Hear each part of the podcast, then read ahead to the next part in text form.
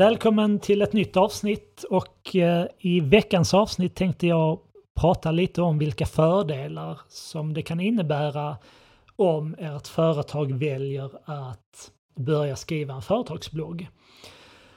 Jag möter fortfarande företag som är osäkra på om de ska använda en företagsblogg eller inte. Och jag tycker att det finns så många fördelar med att öka mängden content på er hemsida och i det här inlägget tänker jag prata lite om de fördelarna. Så här kommer fem anledningar till att ta fram en företagsblogg och regelbundet publicera content på er hemsida. Nummer ett, det kommer att ge fler besökare till er hemsida. Genom att ni sprider era blogginlägg i sociala medier eller exempelvis genom ett nyhetsbrev så kommer ni att driva fler besök till er hemsida. Och här kommer några andra exempel på hur ni kan sprida era blogginlägg. Exempelvis genom statusuppdateringar på LinkedIn, Twitter och Facebook. Ni kan lägga till webbadressen i er profil på Instagram och berätta i en uppdatering att ni har tagit fram ett nytt blogginlägg och att länken till inlägget finns att hitta i er profil. Ni kan publicera en länk till inlägget i grupper på LinkedIn där ni vet att er målgrupp finns. Använd sökverktyget på LinkedIn för att hitta relevanta grupper. Ni kan skicka ut länken till blogginlägget till ert nyhetsbrev och särskilt, eller i synnerhet till en segmenterad lista i ert nyhetsbrev som är intresserade av det ämnet som ni skriver om. Ett annat sätt att driva besök till inlägget kan vara genom riktad annonsering till era olika målgrupper i sociala medier. Exempelvis med hjälp av retargeting målgrupper på Facebook och Instagram. En annan anledning att börja skriva en företagsblogg är att ni kommer att driva mer besök från Google.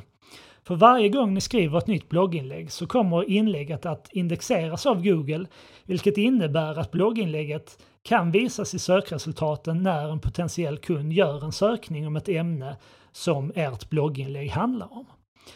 Och ni kan öka sannolikheten att era sökresultat visas vid relevanta sökningar genom att ta reda på vad era kunder letar efter i Google och anpassa innehållet i blogginlägget utifrån det. Och det här var något som jag pratade mer om i förra avsnittet, alltså kring hur ni tar fram en sökordsanalys och tar reda på vilka sökord som kunderna använder. En företagsblogg kommer också ge er en möjlighet att bygga ett ökat förtroende hos både befintliga och potentiella kunder. Under förutsättning att man fokuserar på innehåll där kunden känner att de får ut någon form av värde och nytta av att ta del av ert innehåll. Och här är det viktigt att fundera igenom er innehållsstrategi innan ni börjar skriva er företagsblogg. Vem är målgruppen? Vad vill ni förmedla till dem? Vad är de intresserade av att läsa om? Vilka frågor och utmaningar behöver de hjälp med beroende på var i köpprocessen de befinner sig?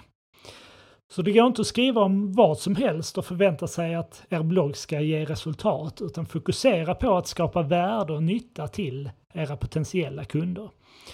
Och det här kan ni göra genom att exempelvis skriva om tips och råd som era kunder har nytta av.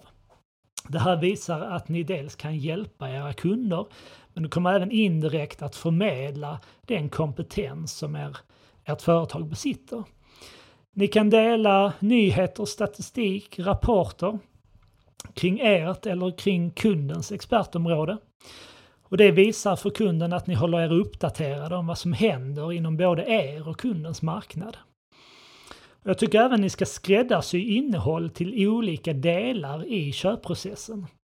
Vad är viktigt för kunden att få reda på när de funderar på att köpa in den produkt eller tjänst som ni erbjuder? Vad är viktigt för dem att veta när de har kommit längre i köpprocessen och visar tydligt intresse eller om de kanske har valt att gå vidare inom ett visst område? Vad är de frågor och utmaningar som kan tänkas uppstå hos kunden då? Så om ni fokuserar på innehåll som är användbart för kunden så kommer ert förtroende successivt att öka och förhoppningsvis ser kunden er som ett självklart alternativ när det blir aktuellt för att köpa in de produkter eller tjänster som ni erbjuder. Er företagsblogg kommer också ha en positiv inverkan på andra kanaler som ni använder, exempelvis nyhetsbrev och sociala medier. Det kan ge fler prenumeranter och fler följare i sociala medier. Säkerställ att era potentiella kunder enkelt kan prenumerera på nya blogginlägg eller att hitta era sociala medier varje gång som ni publicerar ett nytt blogginlägg. Ni kan exempelvis placera ett synligt prenumerationsformulär i anslutning till era blogginlägg. Vilket kommer innebära att ni under förutsättning att kunden känner att innehållet är värdefullt och skapar nytta för dem, så kommer varje inlägg att generera nya prenumeranter. Och att just kontinuerligt öka antalet prenumeranter och följare är en viktig del av er digitala strategi. Av den anledningen att någon kommer att säga okej, okay, jag vill ha fler blogginlägg från er. Och Det innebär i sin tur att ni har en direkt kommunikationskanal till den här potentiella kunden genom att de har gett er sin tillåtelse att synas i deras flöde eller att regelbundet synas i deras inkorg. Att kontinuerligt publicera användbara inlägg för dina kunder kommer även innebära ett ökat antal leads. Nya prenumeranter och nya följare i era sociala medier innebär också ökat antal leads under förutsättning att du vet hur du ska agera på intresset för ditt företag och de enskilda blogginläggen. Om du använder LinkedIn och social selling så kan du exempelvis dela länken till ditt blogginlägg genom statusuppdateringar och i grupper. Vilket i sin tur förhoppningsvis kommer leda till att dina kunder interagerar med de här inläggen, alltså gillar, kommenterar eller delar dem. Och genom att regelbundet följa upp dina notifikationer på LinkedIn så kan du genom den interaktionen använda det som en anledning att skapa kontakt med en potentiell kund på LinkedIn eller för att inleda en dialog med en potentiell kund som redan finns i ditt nätverk.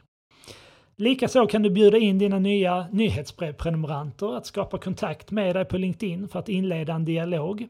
För att sedan förflytta den här dialogen från LinkedIn till ett telefonsamtal eller till ett möte. Dina blogginlägg blir också användbara för att bearbeta eventuella leads och prospects som redan finns i ditt nätverk eller som redan finns på er e-postlista. Och genom att hela tiden samla in vilken information som dina prenumeranter är intresserade av så kan du också segmentera dina utskick så att de som prenumererar på nyhetsbrevet hela tiden får bloggartiklar och innehåll som de upplever som relevant utifrån deras respektive intresseområde. Det finns naturligtvis flera anledningar till att ha en företagsblogg och jag har ju bara berört några av fördelarna i det här avsnittet. Exempelvis att det kommer innebära fler besökare till er hemsida, ni kommer öka mängden trafik från Google och sociala medier. Ni får en möjlighet att öka och bygga förtroende hos potentiella kunder. Det kommer att påverka andra kanaler positivt, exempelvis genom ökat antal följare i sociala medier, men även ökat antal prenumeranter till ert nyhetsbrev. Och ni skapar förutsättningar för att även öka antalet leads. För dig som är intresserad av att eh, få fler tips om hur du kan bygga en eh, företagsblogg så vill jag rekommendera att du lyssnar på avsnitt 9 där jag ger flera tips kring vad du bör tänka på när du skapar en företagsblogg. Och du hittar som vanligt också många tips på nivide.se där du kan ta del av vår blogg och där skriver vi mycket om just content marketing och hur du kan jobba med en företagsblogg. Lycka till!